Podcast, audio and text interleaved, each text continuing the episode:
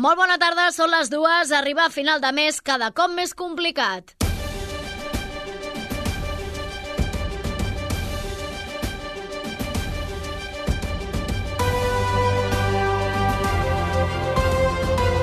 Notícies migdia. Núria Garcia.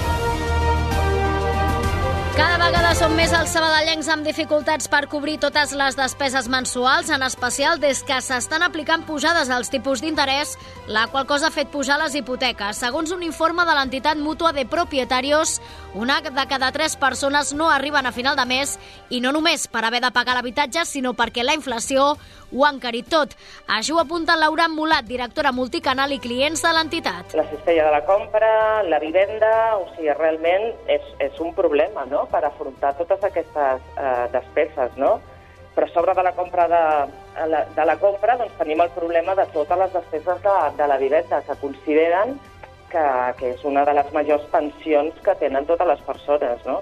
El Banc d'Espanya alertava aquesta mateixa setmana que si els tipus continuen pujant, creixerà el nombre de persones en situació de vulnerabilitat. Des del Banc Central Europeu, però, avisen que els tipus tornaran a pujar mig punt aquest mes de març.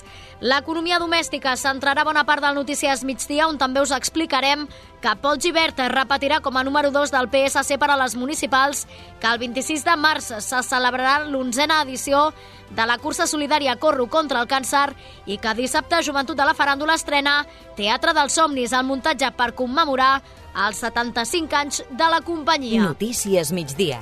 La informació en 15 minuts. Els serveis.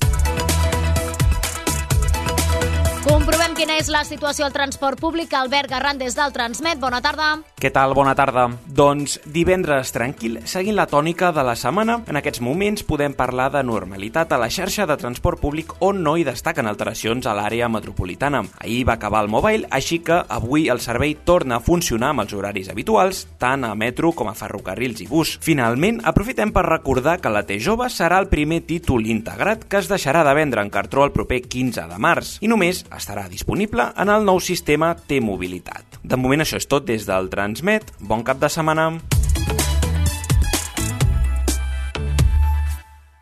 Ràdio Sabadell. Notícies. La notícia del dia.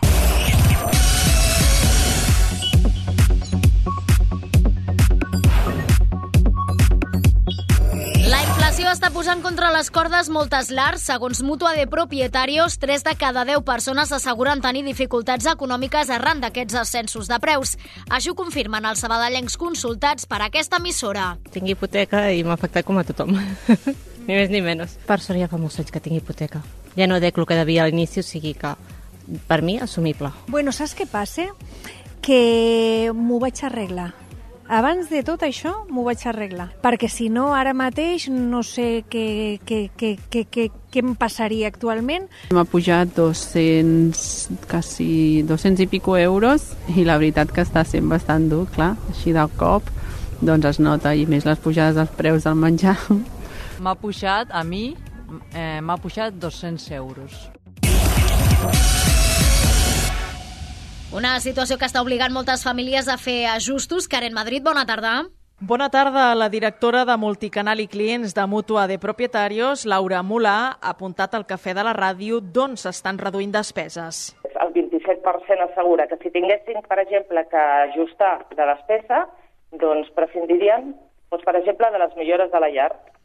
Li segueixen també les accions per reduir la factura energètica, tenint en compte que consideren que els consums energètics és una de les coses que ha pujat més, eh, seguit d'eliminar, doncs, per exemple, inclús la compra d'elements per la llar. Tot i això, el professor de la UAB, Albert Sala, preveu que la tendència alcista començarà a remetre. A partir d'aquests mesos, la inflació comparada amb la inflació de març de l'any passat, com que el març de l'any passat ja era alta, doncs sembla que la inflació hauria d'anar tendint a anar, a anar reduint-se. I això, reduint la pressió als bancs centrals europeus, el Banc Central Europeu i a la Reserva Federal de, de no pujar tant els tipus d'interès. Sala assegura que mentre el descens no arriba, les famílies més vulnerables poden acollir-se a mesures com l'amortització de la hipoteca o l'allargament dels terminis fins a 7 anys. Ràdio Sabadell.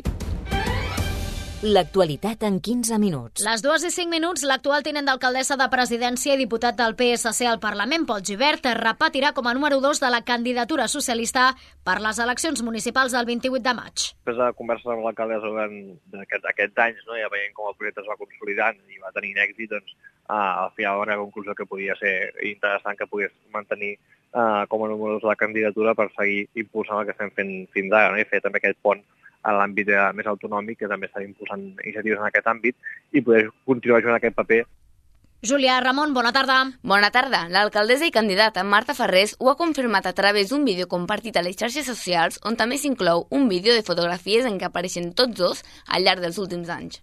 Una persona que ja m'ha acompanyat durant tota aquesta legislatura en, en el govern de la ciutat i que també ho va fer les passades eleccions, que portem tota una vida de militància política junts, que ens hem anat fent grans també, políticament grans també junts i és un autèntic plaer doncs, que el Pol hagi dit que sí un altre cop a, a ser el número 2 a la llista electoral del Partit dels Socialistes de Sabadell. Pol Givert és l'únic nom confirmat fins ara, juntament amb el d'Adrián Hernández. L'exregidor de Ciutadans s'ha incorporat a la candidatura del PSC com a independent, tot i que encara no s'ha confirmat quin lloc ocuparà a la llista per a les municipals. I Esquerra reclama una ordenança per facilitar la instal·lació de plaques solars en façanes, pèrgoles i balcons de la ciutat. Des de la formació volen així augmentar l'energia renovable generada a Sabadell. Segons dades de la formació, la ciutat es troba a la cua de la comarca en nombre de plaques per cada 10.000 habitants, amb 25,7, mentre que Terrassa en té 31 i municipis com Cerdanyola, 84. El portaveu i alcaldable d'Esquerra, Gabriel Fernández, destaca la importància de fer un salt endavant en aquest sentit. Hem negociar eh, com, com es fa aquesta ordenança, si portem un mes més, un mes menys, eh, això és part de la negociació política, però que cal fer tots els esforços que estigui al nostre abast nosaltres almenys lo tenim clar, perquè quan signem manifestos per l'emergència climàtica eh, volem ser coherents també en tot el que fem al nostre municipi. I Sabadell té camp per recórrer, només es necessita una administració que lo lideri. La proposta es debatrà en forma de moció al ple municipal del mes de març, dimarts que ve. Tota la informació a Ràdio Sabadell.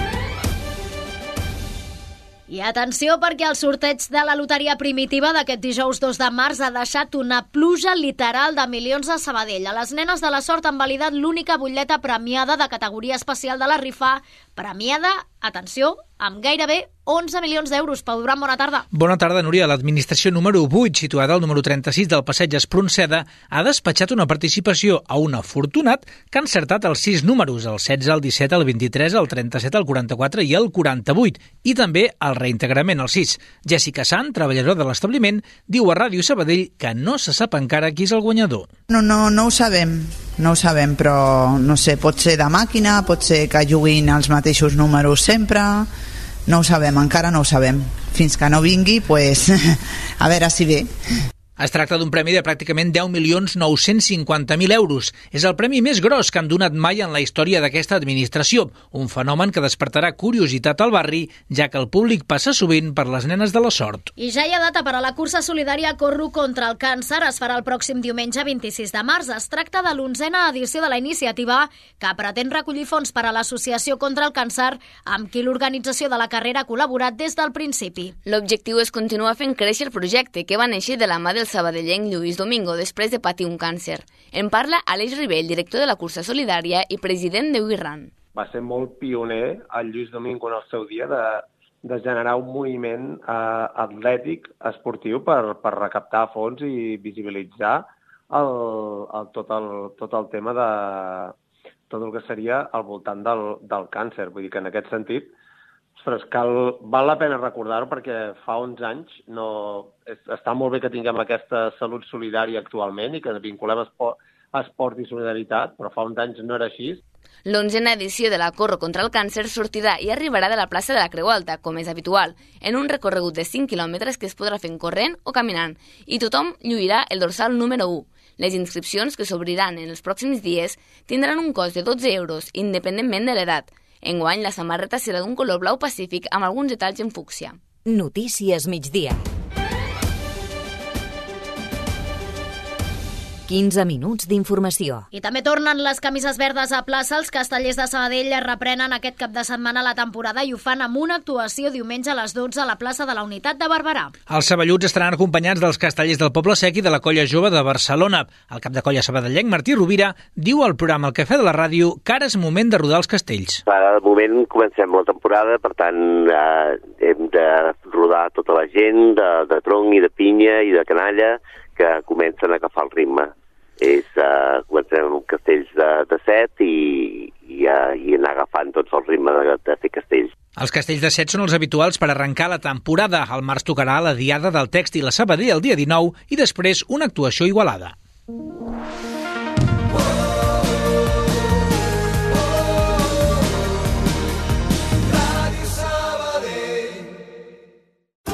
Ràdio Sabadell treballen la Soraya, la Rocío, la Bea, la Mari Carmen, la Raquel, la Núria, la Mireia, la Karen, l'Helena, la Júlia, la Carme, l'Alícia, la Susi i la Maria. També les parelles de la Laura, de la Inoa, l'Èlia, la Laia i la Clara i els fills de la Bernardina, l'Anna i l'Ester. Especial 8M a Ràdio Sabadell, de 10 del matí a la 1 del migdia, Dia Internacional de les Dones.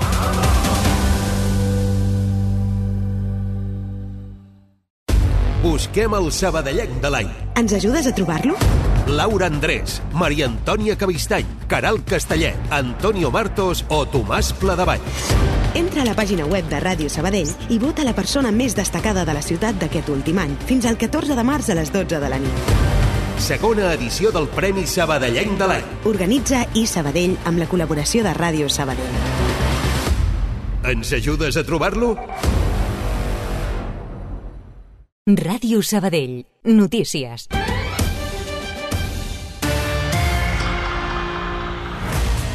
Afegim diversos apunts fora de Sabadell. Drisu Kabir, condemnat a 36 anys de presó pels atemptats de 2017 a Barcelona i Cambrils, complirà la resta de pena al Marroc, al seu país d'origen. Així ho han acordat els governs espanyol i marroquí, segons ha avançat l'Espanyol. Fins ara, Ukabir complia la pena en una presó del País Valencià i en les pròximes setmanes serà expulsat de l'estat espanyol.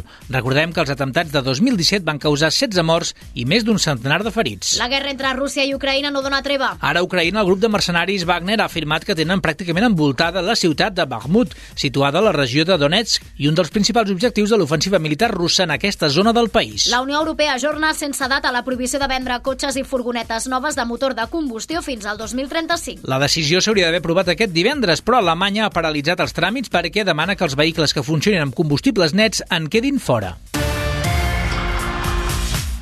Cultura. Joventut a la Faràndula commemora el seu 75è aniversari amb l'obra Al Teatre dels Somnis.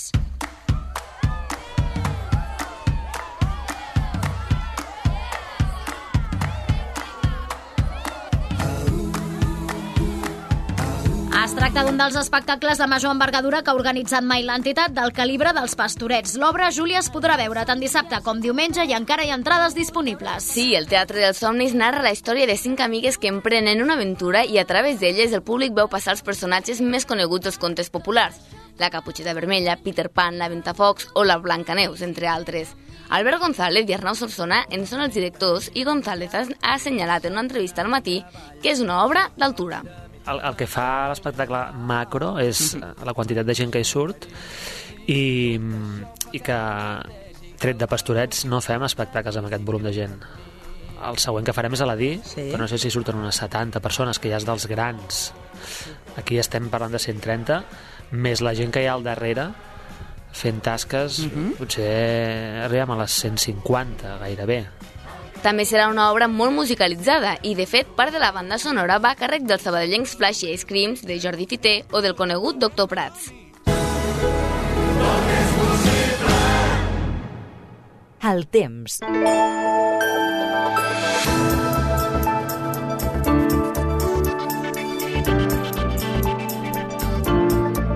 Temperatura suau aquest divendres es mantindrà durant el cap de setmana. Ens ho explica el Lluís Mi Pérez. Bona tarda. Bon dia. Aquest divendres ja està sent d'un temps completament estable, tranquil, més aviat assolellat. Una miqueta de boirina hi havia aquest matí cap al prelitoral i també a la Catalunya central. Mala visibilitat a prop de les àrees més urbanes i industrials del país, però la tendència d'aquesta suavitat i d'aquest temps completament assolellat ha de continuar al llarg d'aquesta tarda. Per tant, molt pocs núvols, quatre de prims, que aniran entrant des del nord, també alguns d'enganxats a l'Alt Pirineu, bàsicament a l'extrem nord del Pallars Sobirà i també a la Vall d'Aran, i una temperatura que aquesta tarda serà més suau que no pas la d'ahir. La bonança impararà a tot el territori i una mica de vent que sí que s'haurà de tenir en compte, sobretot al nord del Cap de Begú, així com al Delta de l'Ebre, una mica de vent de dalt o de tramuntana. El cap de setmana de sol, tant demà com diumenge. El vent anirà de baixa, això farà també que l'estat del mar sigui molt més tranquil. I les temperatures molt diferenciades entre el dia i la nit. Les matinades fredes i amb gelades, les tardes molt agradables ja de preprimavera. Ho seguirem aquí a la xarxa. Un quart de tres, marxem. Fins aquí el Notícies Migdia que hem fet amb el Toni González a les vies de so. Recordeu que podeu continuar informats al portal de continguts de l'emissora, les xarxes socials i a partir de les 7 al Notícies Vespre. Que vagi molt bé, bon cap de setmana. Allà on siguis, escolta'ns online. En directe.radiosabadell.fm